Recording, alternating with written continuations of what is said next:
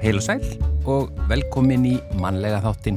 Í dag er þriðju dagur og það er 21. mars.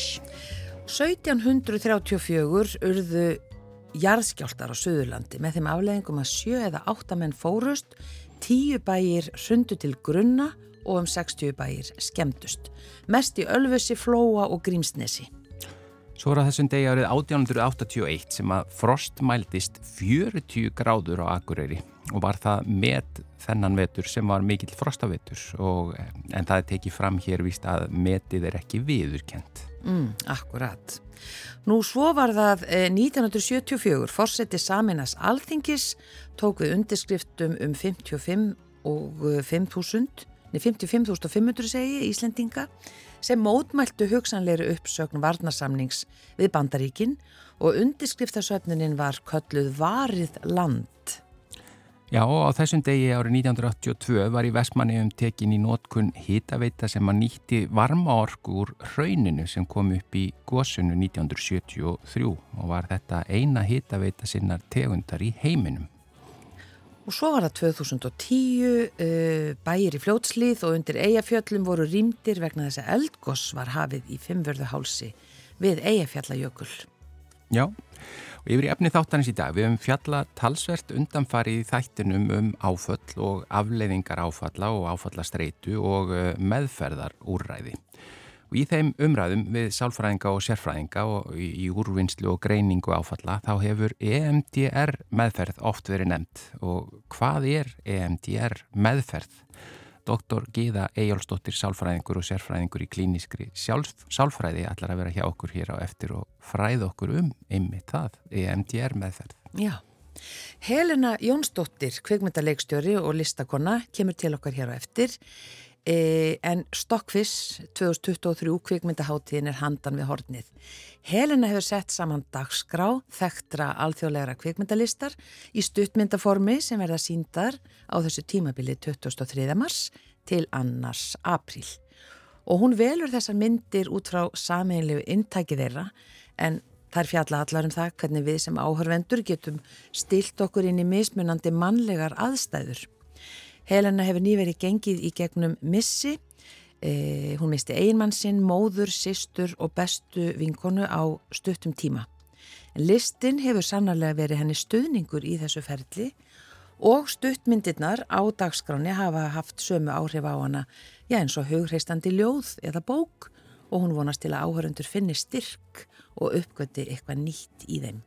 Helena kemur til okkar hér eftir einmitt. Já og Elin Björk Jónasdóttir kemur í veðuspjallið til okkar, eh, sitt vikulega veðuspjall. Eh, hún ætlar að segja okkur frá alþjóðlega veðurfræði deginum sem er á 5. daginn, 23. mars og nýri skýslu í loftslagsmálum.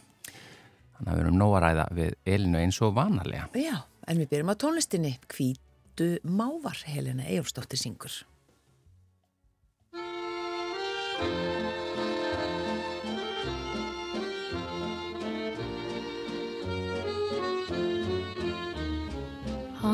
Handan við hafdjúpin bláu, hugur minn dvelur hjá þér. Ég bið að þú komir og kissur, hviðan úr hjarta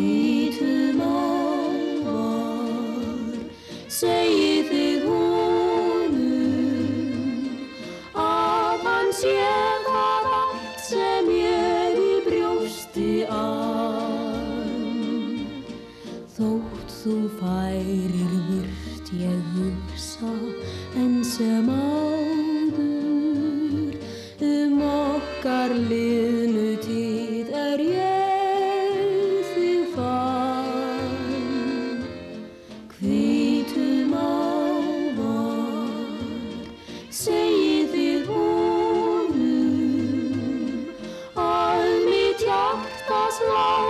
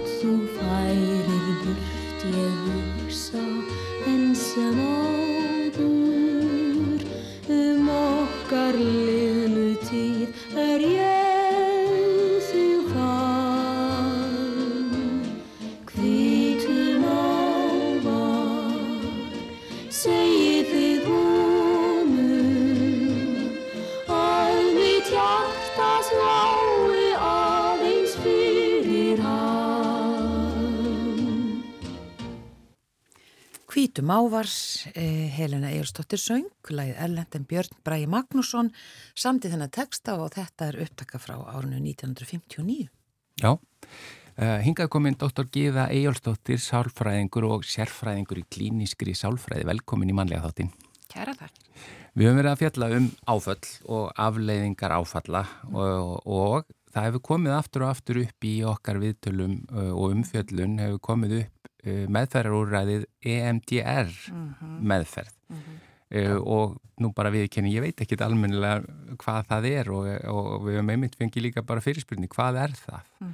Og þú ert bara einn okkar allra besta til að koma hingað og útskýra það fyrir okkur. Þú ert í doktorsnám ekki satt Jú, þegar þú, og hafðir ekkit sérstaklega mikla trú á þessu fyrirfram eða hvað? Nei, ég sem sagt, heyri um þetta í doktorsnáminu mínu að þetta sé einhver meðferð sem að þarna uh, já, skjálstæðingur þarf að hreyfa augun fram og tilbaka og ég svona fussað og sveiga yfir þess og hugsaði mér það er nú bara eitthvað bull Mm og þarna svo var einn uh, samnefnandi minn sem ákvaða að læra þetta og var rosalega imponeraður og, og bað okkur félaga sínum að vísa á sig áfallamálum svo hann geti eftir sig og ég bara vorkend honum að trúa þessu.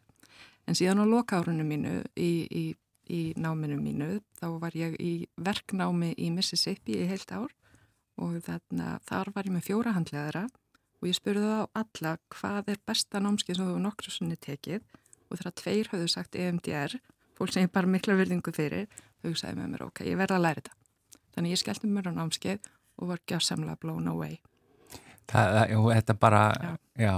að því að þetta fólk líka bara sem að þú tókst svona mikið marka á, Já, það mælti svona með þessu. En segð okkur þá, hver eru þín kynni að því og hvað, hvað, hvað er EMDR? Já. Hvað er það sem opnast fyrir þér þegar þú ferð að skoða það og læra? akkurat. Þetta er sem sagt, uh, þetta er meðferð, þetta hétt í raun og veru sem sagt uh, eye movement desensitization and reprocessing og hefur með sem sagt tilvísun í þessar aukreifingar en, en svo sem að fann upp á EMDR, hún sagði setna mér, ég hefði ekki átt að láta þetta heita þetta, vegna þess að þetta snýstu meira heldur en bara aukreifingar. Já, En þetta er sem sagt áfallameðferð uppaflega en er búið að sína sérst í dag að það er hægt að nota þetta við miklu meira heldur en áfallum því að þetta snýst fyrst og fremst um að vinna úr minningum sem að sitja í okkur og hafa ennþá áhrif á okkur. Mm.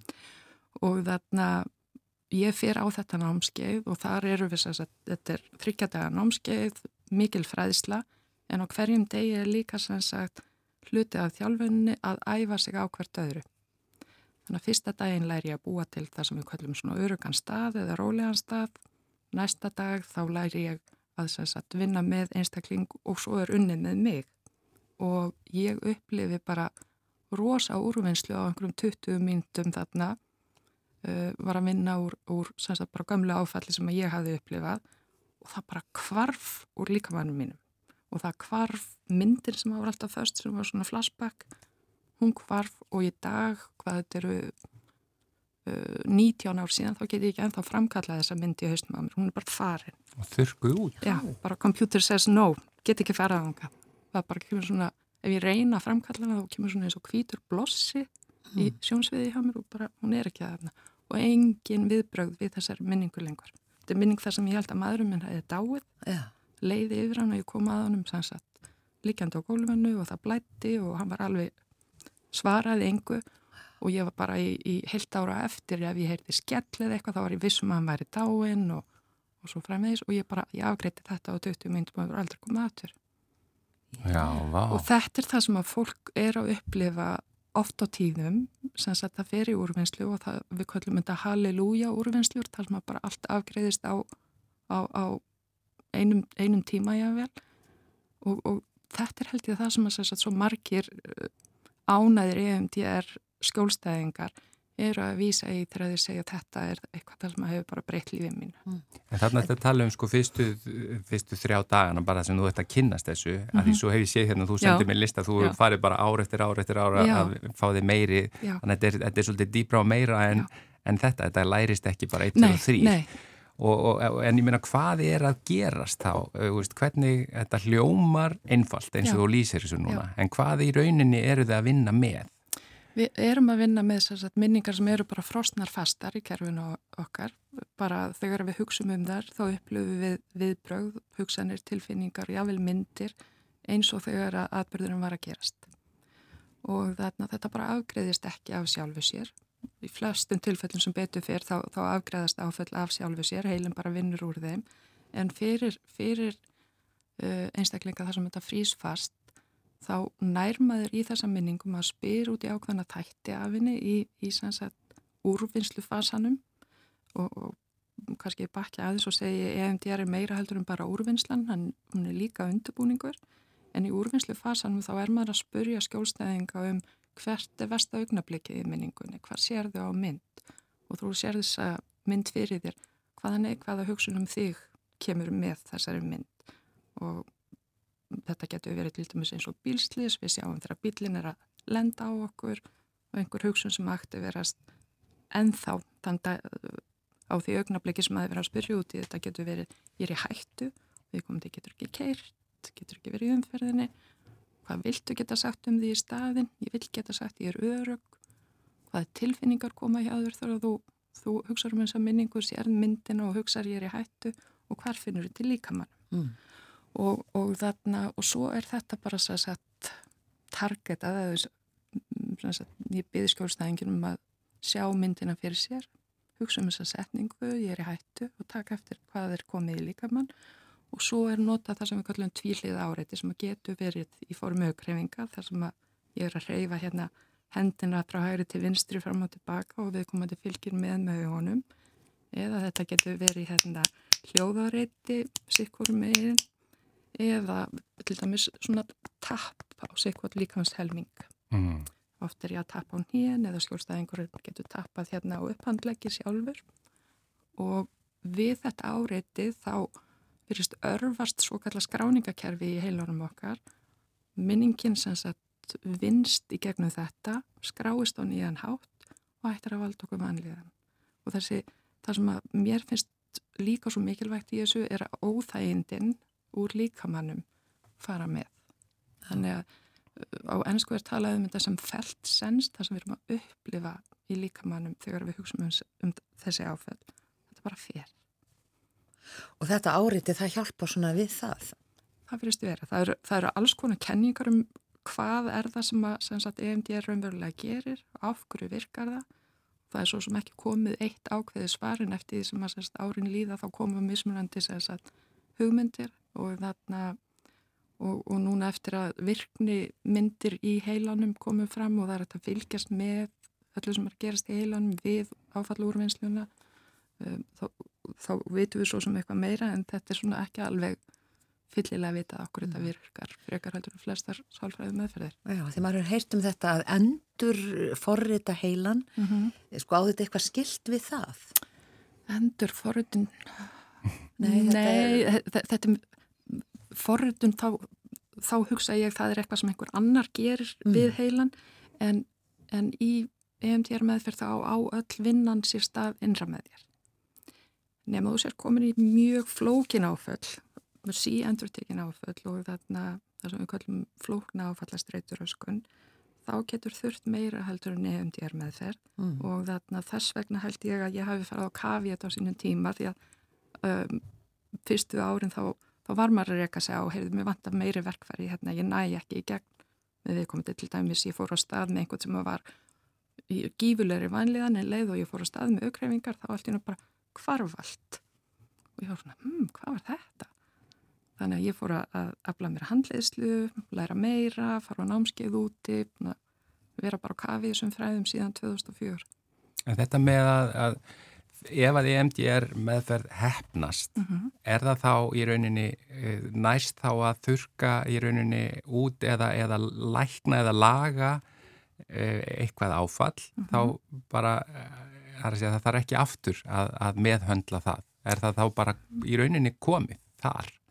Í einföldum, við getum sagt, í einföldum þarna áföllum, Já. það sem að eins og, eins og uh, við munum kannski eftir Oklahoma City bombings hérna fyrir fjö, uh, þó nokkrum árum já, já. þar var uh, rannsóks sem fór í gang fólk sem var ekki með áfallasögu fyrir þessi aðveg uh, það þurfti við letum þrjá tíma til þess að bara tækla uh, þetta áfall einhver svona einangruð áfall já. sem að eru, já, en ekki einhvað sí endur teki kannski gegnum Nei. langan tíma Nei. þá er það væntalega flóknara þá er það flóknar og við erum almennt sem sagt, uh, protokólið er þú vinnur fortíð, svo vinnur nútíð og svo vinnur til framtíðar. Og þarna eins og ef við tölum með um bílslist, það er bílslisti sem áttir sér stað, hvernig þú ert hrætt eða hrættur eða hrætti í, í nútíðinni og svo tilöksunum að fara aftur út í umferðina. Og mm. jável ef einhver svínar fyrir þig eða eitthvað þess aftar, þannig að fortíð, nútíð, framtíð. Og ef að það hægur mikið gengið á, þá er þetta aðeins, aðeins flóknara. Já, en svo að því við höfum til dæmis í okkar eh, samtölum hér við sérfræðinga um áföllin að eitt af einn engjannum áfalla er þessi forðun það er að segja að, að í rauninni þú getur ekki horst í augu við mm -hmm. áfallið og, og afleðingarnar eh, og, og í rauninni gerir allt sem þú getur til að flýja þar afleðingar og er, gerir það ekki til dæmis meðferina EMDR eh, meðferina erfiðari eða hvað? Hún getur reynd á en það sem er svo gott við hana er vinnan fyrir fram í viðtölunum. Það er ekki heimavinna það sem þú þarfst að vera Uh, fara út í umferðina, æfa þig eða ef þú ert með liftufælni að vera upp og niður í liftu eða eitthvað þess áttar þannig að kvíðinn sem að kemur í úrvinnslunni hann er tímabundin hann er, uh, fólk finnur yfirleitt mun á sér bara á einum tíma mm. af úrvinnslu. Þannig að þú byrjar í kannski rosalegum óþægindum 8, 9, 10 á skala 0-10 en er kannski komin nýri 0 í loktímans eða nýri 5 og það er mikið auðveldara og, og þarna, þetta er ákveðið svona, uh, við getum kallað exposure, þá er ég slettið, mm. uh, eins, eins og margar aðra meðferðir en þetta er svo tímabundið út í þetta gerist í viðtalinu og bælateral áriðið hraðar öllu ferlinu þannig að þú finnur svo hratt mun á þér. Já, já þetta er mjög áhugavert. Þetta er rosalega áhugavert. Og sem þýðir að þú þarf þá færi skipti líka? Uh, já, Samanbörðaransóknar eru, eru þannig sagt, ef, við, ef við byrjum saman ham til dæmis hugur hann aðverðlis meðferð og EMDR er að uh, þær virka svipa vel mm. uh, það er almennt talið að EMDR meðferðin þólist betur að það er færri sem að sagt, uh, hætta í meðferðinni í þessum samanbörðaransóknum heldur en þeir sem að fara í hamhópin og þarna og það er ekki heimavinna Sumu tilfellum getur þetta verið steytri tími, stum tilfellum sami tími. Já. Þú ert einað af þeim fyrstu sem að læra þetta eða ekki frá Jú. Íslandi og nú er bara komin talsverður hópur sem þú átt stóran þátt í að Já. menta. Akkurat. Já, þannig að það, það er hægt að, það er til dæmis hægt að benda á emdr.is, það eru upplýsingar. Það er, það er heimasíða félagsins okkar Já.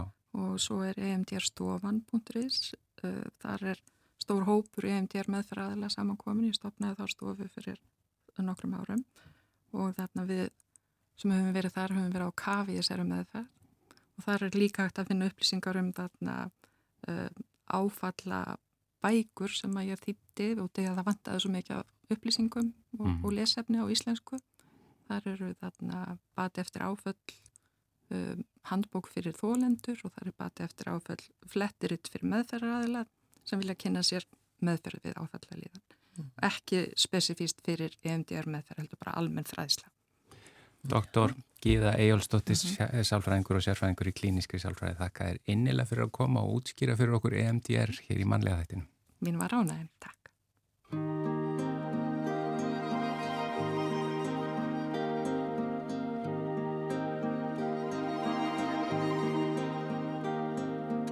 Legð aftur augun þín skær.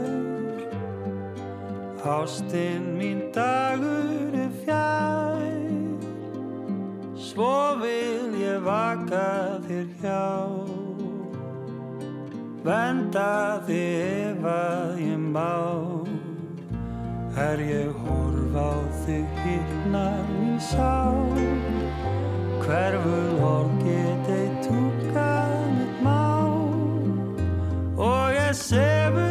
side.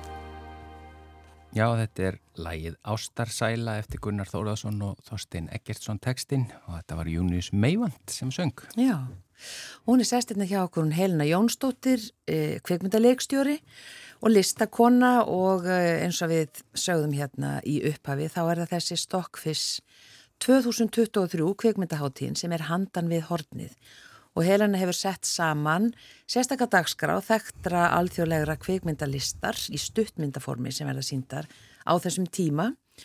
Og hún hefur svona vali myndirnar sérstaklega eins og við tölum um svona þetta sammannlega.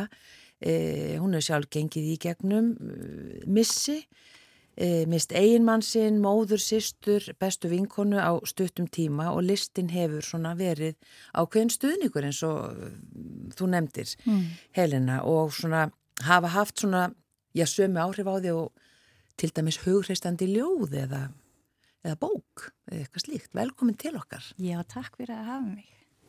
E, svona segja okkur hann svona frá bara þinni aðkomu að, að hérna Stockfish. Já, við byrjum samstarf hérna 2019 og hérna þá byrja ég með uh, litla hátíð kalla ég það, sem ég kalla Physical Cinema Festival sem ég er núna með líka í netverki út í heim Já. og er að, fylg, er að hérna, skanna svæðið hérna út í heimi og er að koma með gersemar hingað undir hatti Stockfish og undir mínu netverki. Já. Þannig að Já, og hvernig svona, eh, já, svona eins og ég var að lýsa hér, svona þín aðkoma að þessu, hún er daldið tilfinningaleg. Já, mér finnst bara, mér finnst svo gaman, ég var nú að hlusta hérna á undan sko og, og er að læra þetta orð líka EMDR sko, því ég er náttúrulega búin að fara í gegnum áfalluröskun á, á mjög lengum tíma og hérna, og ég tel að við förum öll í gegnum áföll á einn annan hátt og hérna við erum flest að takast á við það, þú veist, hvort sem að er missa vinnuna eða, eða fara í gegnum skilnað eða einhver þýnlíkt og þá erum við að takast á við einhvers konar svona, já, byltingar inn, inn í okkar lífum. Mm. Ég til alltaf á Íslandi að, að Björgunarsveitin er alveg rosa busy að takast á við áföllin og hérna, ég tel líka að, að listin sé sem sem forfalla hjálp Já. og hún hefur líka verið nýtt mjög oft á þann mundin sko.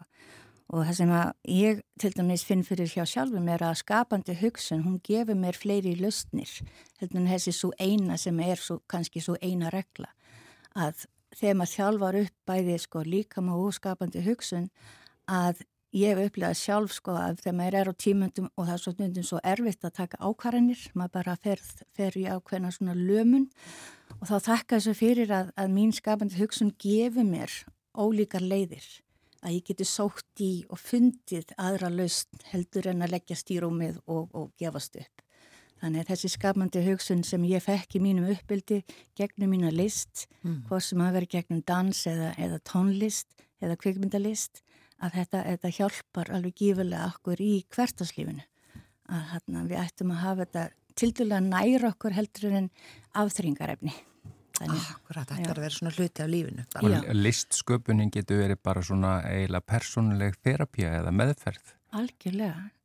Já sko, fyrir mér er að þið, maður kannast við það sko, víst, að þegar mann er kannski líður þreytur eftir daginn og þetta var ekkert svo góður dagur og þú heyrist kannski einhver gott lag sem getur verið uppbít og getur líka verið downbeat en það hjálpa þér að fara í gegnum þennan dag og við nýtum þetta mjög ofta því ég orðin svolítið sjóið í jarðaförum að við nýtum söngin og ljóðin og skrifin til, til þess að fara í gegnum það ferli. Það var einn bók sem að, sem að bjarga í mínu lífi sem er skrifað af Jón Didion sem heitir The Year of Magical Thinking. Og hún bara skrifar algjörlega skref fyrir skref fyrsta árið eftir svona stórt áfall. Mm. og það er ekkert svo mikið um efni sem að fjallast endalega um þetta en það sem heitla mig best og það sem komið mest á óvart er hvað listin og sérstaklega dansin því, því að sko líka mér tekur rosa högg. Eða getið ímd ykkur þegar lendið í bílslýsi það er einhver keiri aftan á ykkur og þeir eru því sjokki og, og hjarta fyrir á fullu og maður er titrandi.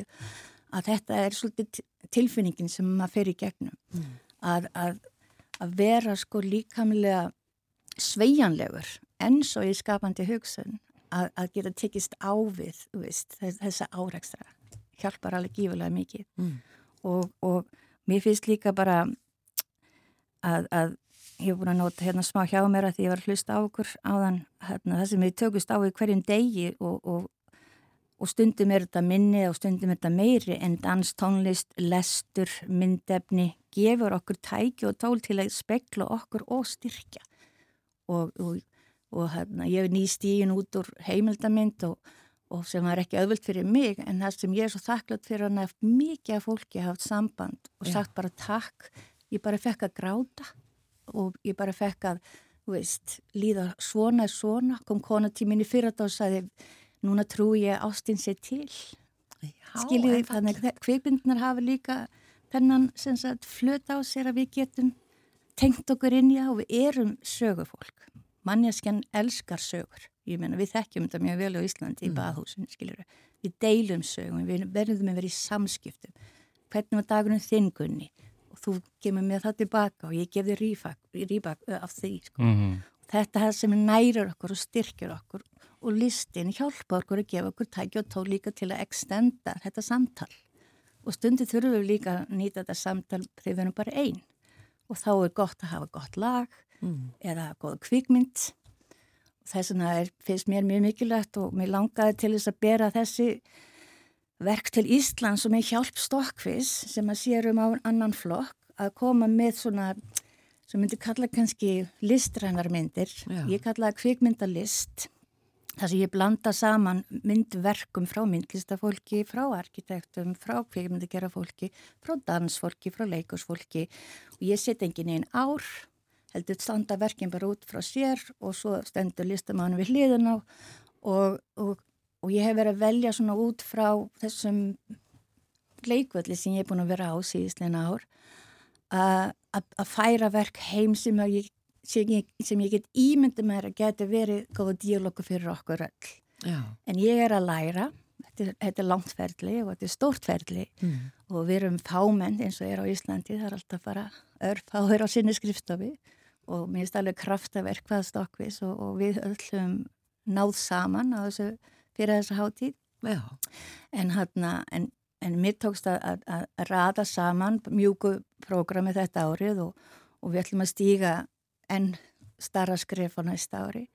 Eins og bara til dæmis að langar okkur rosalega að, að taka auðvunum íslensku tónlistana og kynna kvikmynda listafólki til þess að vinna með tónlistafólkinu okkar. Þegar við búum á eigu og mín reynsla að búa til myndverk er að ég þarf ekki að, að kaupa flugmiða eða synda til þess að verki mín séu synd út í heimi.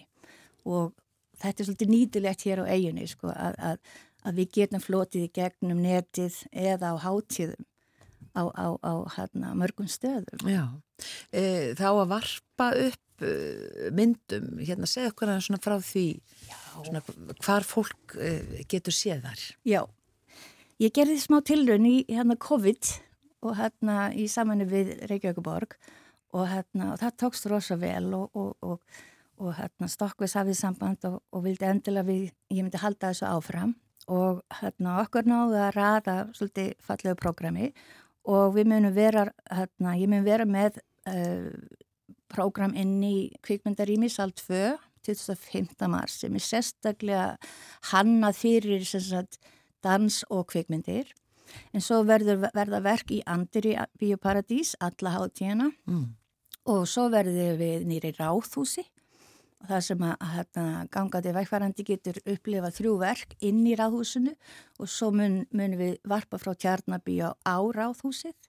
Og svo verðum við utan á tjarnabíu svo verðum við á Norrannahúsinu og inn í um Norrannahúsinu svo verður þrý tónleikar með myndefni í Mengi sem er okkar samstarfsaðli og þar verðum við líka með innsetningar á daginn því að Mengi er að byrja að virkja dag, dagsrýmið í sagt, kvikmyndalista og vídeo á daginn, hann að við getum droppað inn, fengjum okkur kaffesopa og sest og horta og einhverja næringu og hérna, ég vil ekki gleyma neinum. Já, þannig að þetta er, þetta er ansi víða. Þetta er ansi víða. Það er að fara bara svona ring. Já, og allt frýtt. Hvað, allt frýtt. Hvað er tímabilið? Hvenar byrjar og hvenar endar? Og... Vi, við opnum núna fymtudaginn og hérna, þá byrja þessa innsetningar að hoppa upp hér og þar.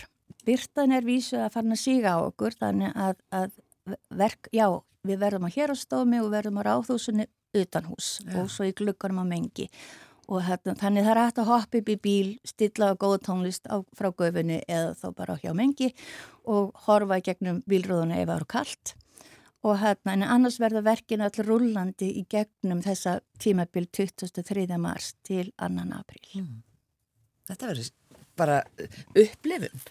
Og ef þetta sjá einhverstaðar fá einhver upplýsingar ég sé hérna, jú, physicalcinemafest.com Já, við, við erum sko með heimsuna á Stockfish Já. og við erum öll alveg full að rata öllu inn Já. þannig að bara ég ætla að byrja bara að vera svolítið smá þólumóð og þetta mun allt koma á netið áður með opnum hátíðina mm. og þá er átt að sjá trailara, þá er átt að sjá upplýsingar um myndirnar Þarna er til dæmis eitt verki hjá menn sem verður upp í Nordic House og Tjarnabíu það sem að Górilan Kókó er að tala um að við manneskjarnar ættum að vera svolítið góð við jörðun okkar. Það er Górellan sem að Robin Williams, eða ekki, hérna talaði við Já, þetta er Kókó, já, já, já, já, einmitt. Sko stokk, stokkvís eða bara það er ekki endal allir sem vita það, það er sem sagt er kannski kvikmyndaháttíð fagfélagan á Íslandi, ekki sætt? Já, takk fyrir það Gunni, já, og þetta er elsta kvikmyndaháttíðin á Íslandi raunverulega. Og hún, hún er rekin af okkar kvikmyndaeinaði og kvikmyndafólkin okkar og, og hún er til þess að ebla kvikmyndafólkið og allir sem hafa áhuga kvikmyndir og svo deilir við okkar verkum veist, mm. með þeim og við erum með ný, nýjan flokk, við erum með hérna, stuttmyndakeppni og myndbast, tónlindamyndbaskeppni, tilrunamyndbaskeppni og svo stuttar stuttmyndir. Ég mælu með þeim og ég mælu með því að fleiri munu gera svolítið. Þetta er alveg frábært form. Vá! Wow.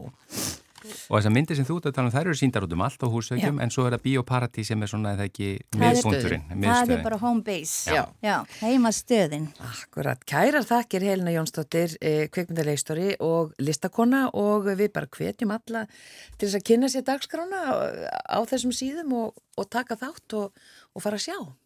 Takk fyrir mig.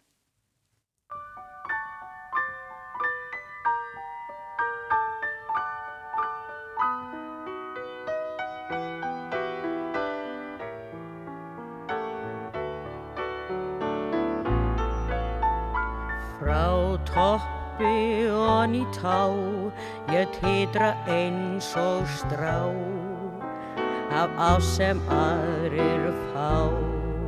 Á gili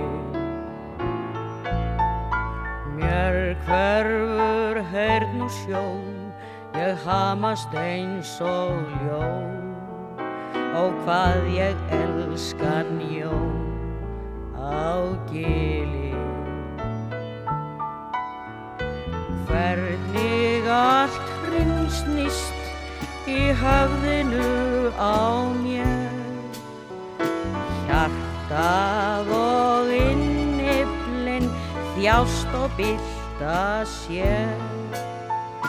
Frá toppi og nýtt há ég titra eins og strá. Af á sem aðrir fá á gili Brjóstkassin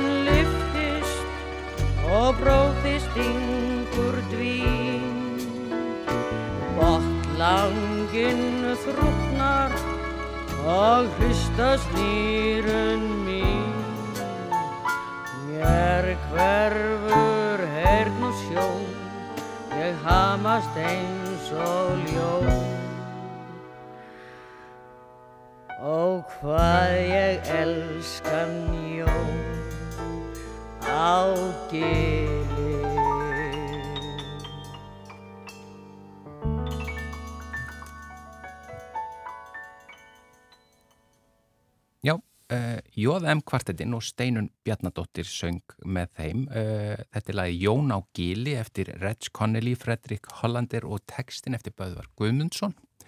Og er þetta ekki hérna sem hún söng Marlene Dietrich? Jú, óda gar nýtt, var það ekki endað ekki einhvern veginn? Steinun Bjarnadóttir, ég, þessi rödd er dásamleg. Mm. Jón á gili, Já, já, dásamli þýðing.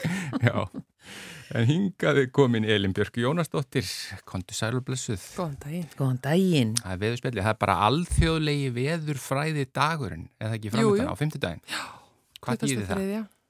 Er þá ekkit veður þann dag? Ekkert verið þann dag. Jú, þetta er sem sagt hérna uh, á vegum alþjóða veðmálastofnunarinnar. 22. mars er alþjóða vatnafræðidagurinn og 23. alþjóða veðurfræðidagurinn. Já, Og veðstofn eru við sem sagt veðstofan og vatnamælingar saminuðist 2009 þannig að þetta eru svona hátíðstagar já. hjá okkur. Þetta er náttúrulega mjög skilt. Já, já, og, og þetta hérna, já, annað ekkert án hins eiginlega sko. Mm. Og áherslan í ár er Áherslan í ár, já, það er sko alltaf svona þema fyrir hvert dag og þetta hefur verið allskens sko og núna er sem sagt um, verið að skoða uh, veður, veður far og vatn svona í gegnum hérna kynnslóðunar og til framtíðar Já, sem auðvitað tengist loftlagsmálanum að hluta til algjörlega sko og svo bara þessu nýtingu vass og, og hérna vassvend sem er orðin mjög mikill vægur hluti Mm. að því sem maður þarf að skoða bara í sambandi við bæði loftlagsbreytingar og, og hérna vistkerfa hnignun og annað sko.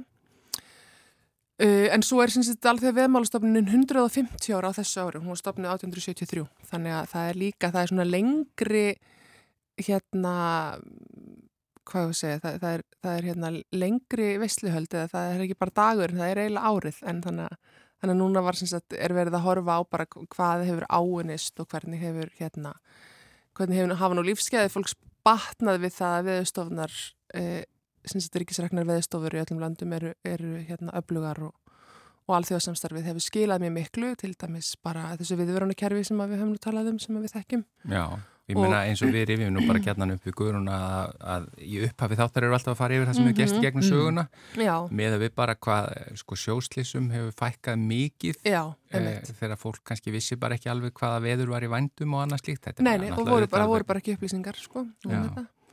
Við fórum einmitt líka í hérna met sem er ekki viðurkjönd. Já, 1881, kannastu það, frost mæltist 40 gráður á Akureyri. alveg rétt, jú, ég kannast við það. Já, Já, bara átt því að við fórum að tala um Já. þetta sko. Og af hverju er það ekki viðukent? Er það bara ekki þá... Hitamælirinn hefur þá bara ekki verið, annarkvort hefur hann verið bilaður eða ekki vitað að hans hafi verið rétt kvarðaður Mm. eða hann hefur verið settur upp vittlust ef hann hefur ekki verið í tvekja metra hæð eða ofnálagt húsi eða eitthvað slíkt sko. Mm. En ef þetta er rétt 40 gráðu frost, eh, hefur, það hefur alltaf oft mælst allavega í byggð hér eða hvað? Nei, nei, nei, nei, nei, og metið er hérna 38 gráðu frost, eitthvað rúmlega minni mig á, á hérna, fr- frostaveturinn mikla sko. Já, já, já. Þannig að það munar ekki miklu en það er nú búið, fyrst þetta er ekki viðkjönd þá er alveg búið að fara yfir þetta og fara í gegnum alveg hérna allt og, og taka ákvörðunum og þetta hafi ekki verið, sem sagt, það er eitthvað ekki rétt við þetta. Mm. Já. Það er hitamett svona líka á landinu sem er til, sem er ekki viðkjönd, sem er hærra en hitametti frá, frá hérna, tegarhólni. Þá var mælingin bara ekki alveg... Já, ekki þá alveg bara mælirinn upp við húsvegg, húsvegurinn hitnaði og hitaði mælirinn og þá er í raun og veru bara verið að mæla um, hitan frá húsinu en ekki lofthitan, sko. Já, bara svona í þessu skjóli. Já. Síðast á talaður um að, að hérna, frostið bara myndi halda og þessi stilla. Já. Er einhverja breytingar núna? Já, nú eru gula viðvarnir og vindur og, og hérna búið að vera mjög kvast á Suðurlandi í dag og verður vantanlega eitthvað fram eftir degja morgun og bara þau sem er að ferðast eða ætla að vera á sérstaklega er nú einhverju húsbílar komnir á ferðinni sko ferðina. Já. Það er ætti nú ekki að vera Í ferðinni. mars? Já, í þessu veðri. Ég kerði norður Akureyri fram og tilbaka um helgin og mætti alveg nokkrum sko. Mm. Það fara valega í, Já, í, í, steinhissa. vindasamt. Já, já. En hvað er, er ykkur líndi framöndan? Nei. Geturðu- Jú, læt, lættu að okkur einhverju. Nei, það er ekki líðandi framöndan. Þetta er nefnilega, við erum bara í þessu heimskautalofti sem að veriðist hérna bara vera svo þungt og, og svo, þetta er svo hérna svona þéttur loftmassi, það er engin, þetta er ekki bara einhver lítil bóla sem að reyfist fram og tilbaka heldur, er þetta bara þessi tunga alveg norður frá, frá norður heimskautunni sko. Og lagðirnar sem er að myndast núna söður á landi, þær eru bara ekki nógu öflugar til þess að, að reka þetta loft norður eftir sko. Um, en nú eru náttúrulega voru jafndagur, voru gær, þannig að sólinn er nú farin að hafa yfir höndina hér á landi, hvað var það myrkrið sko. Já, það farið að hlýna í Evrópu. Það verða hlýn í Evropu og, og það gerist oft eitthvað í því að þessir kvirlar, þeir, þeir sem sagt leysast upp þegar sólinn næri raun að vera að hita andrúslofti meira. Já. Þannig að, að sko það vorar nú alltaf á endanum en það, það við býðum aðeins enn. Já, þannig að við erum í rauninni að vonast eftir hressilegri lægð sem Já. gæti ítt þessu í burtu. Já, sem Aldrei að- þessu vant. Það vonast, sko. við. Þurftum að fá bara svona heiðalegt hérna, stormslagveður eitthvað. Skuttla þessu norður aftur Já, þessu kvölda. já. Og Og sérstaklega ef hann næri að reka fleig sko í kaldalofti þannig að, þannig að það hætti að því nú er samstaðan í þessu kaldalofti svo mikil sko Já, hún er að hættuleg. hún er hættuleg þannig að ef það væri þetta að reka fleig þarna norður eftir og, og svona hluta þetta kaldalofti í, í sundur þá myndi, við, þá myndi það hlýna hraðar sko. Senda það norður, skella svo bara hörðinu eftir því. Svolítið. Já. Já. En uh, það var að koma út skýsla eða ekki? Fyrst aðeins bara IPCC, IPCC. hvað er það aftur? Sko, það, he það heitir á ennsku International, nei, Intergovernmental Panel on Climate Change, Mm. IPCC. Lofslags. Já, og hefur verið, nú gleymi ég því akkurat að því þú spurðir mig, betur nú við, hefur verið þýtt sem... Lofslagsráð. eh, nei, um, betur þetta kemur eftir. Já, kemur, það kemur já, eftir já. bara. Uh, já, en þetta er, þetta er, þetta er eh, undir, hvað ég var að segja, undir stopnun hérna, alþjóða hérna viðmála stopnunarinnar og hérna sem að gefur út þessar skýslur og nú hafa þau verið að hérna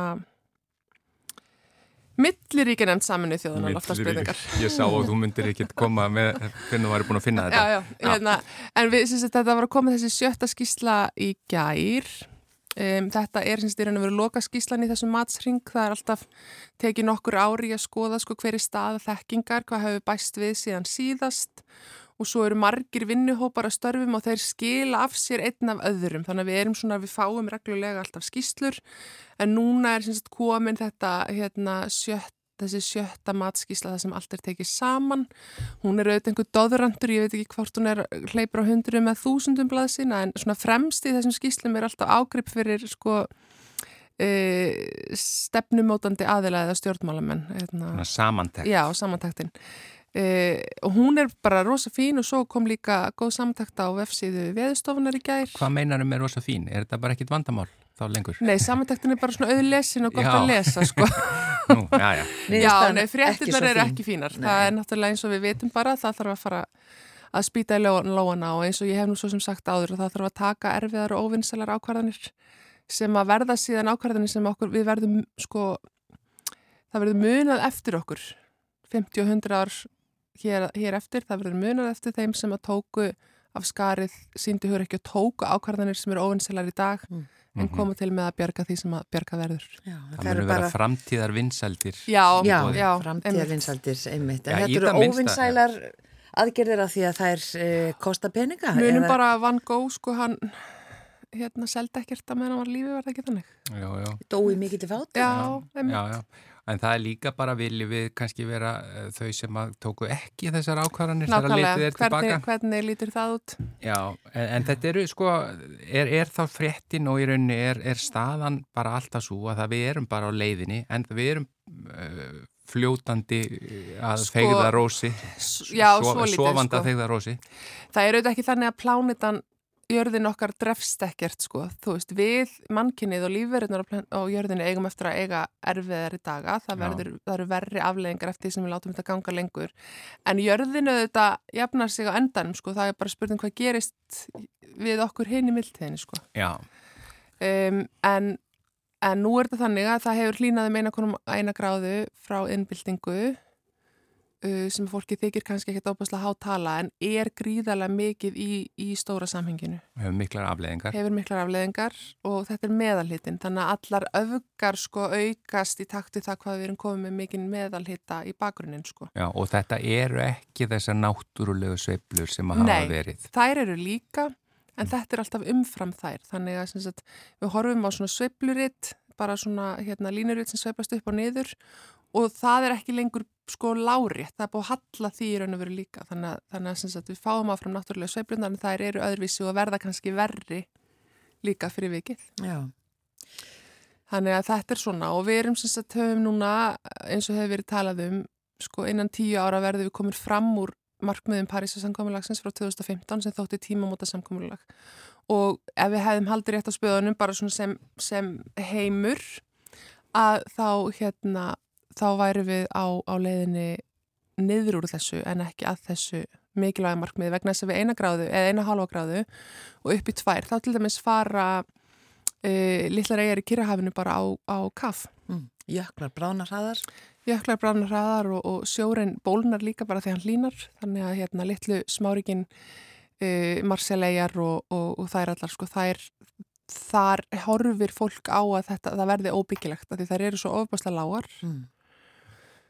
Uh, og svo megum við náttúrulega ekki gleyma því að það skiptir til dæmis alveg greiðlega miklu máli að, að reyna bara að koma á frið í heiminum vegna þess að það kólefnisefnar engin stríðsregstur Já, já. Þannig að nú eru sko öll, öll þau átök taka svo mikinn fókuspunkt stjórnmálamanna að það er, það er minni áhugi á loftlagsbreytingum Já.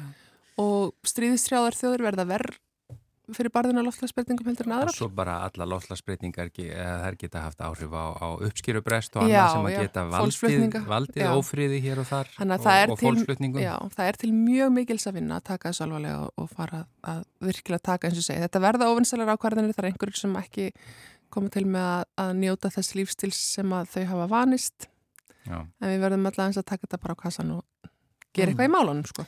Já, ef að almenningum mætti ræða þá myndum við náttúrulega bara taka þessar ákvarðanir en Nákvæmlega, Það er sko, náttúrulega það er hérna, stjórnmálamennir sem ráða stjórn, þessu. já, stjórnkerfið er, er erfitt en, en þetta er fatning til þeirra að, að fara nú að drífa sig Elin Björk Jónasdóttir, viðfræðingur, takk fyrir þetta er ekkert, við, við förum Við ekkert endum eitthvað ekki svona- léttum nótum Nei, í dag. ekki léttum nótunum, en, en mikilvæg Það er aldrei léttar þessar vikur þegar þessar skýslur kom út sko. þá er eiginlega ekki hægt að fara létt nú Nei, en við getum ekki stungið haustum í sandin. Nei, Það er bara þannig. Takk fyrir Elin Björk Jónasdóttir. Takk.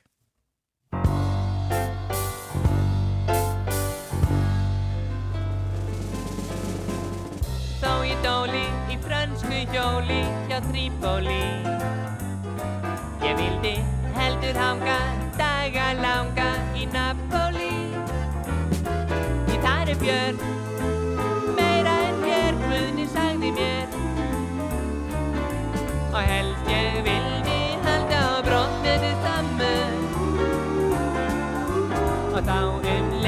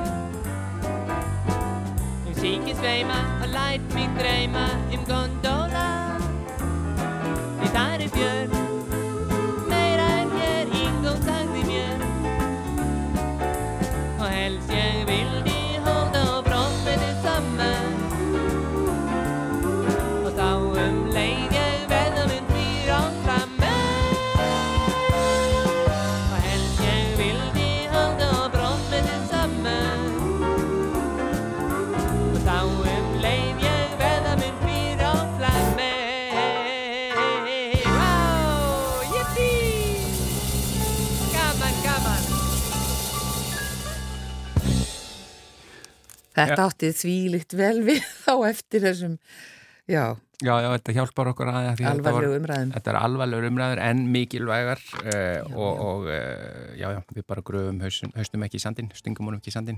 En þetta var nú bara síðasta lagið í dag. Þetta voru stuðmenn, söngur fjallkonunar og uh, við heyrum aftur í henni Elinu Björk veðfræðingi hér í næstu viku, næstu þriði dag, en við þökkum samfélgina að þessu sinni. Verðum hér auðvita aftur á sama tíma á morgun. Verðið sæl.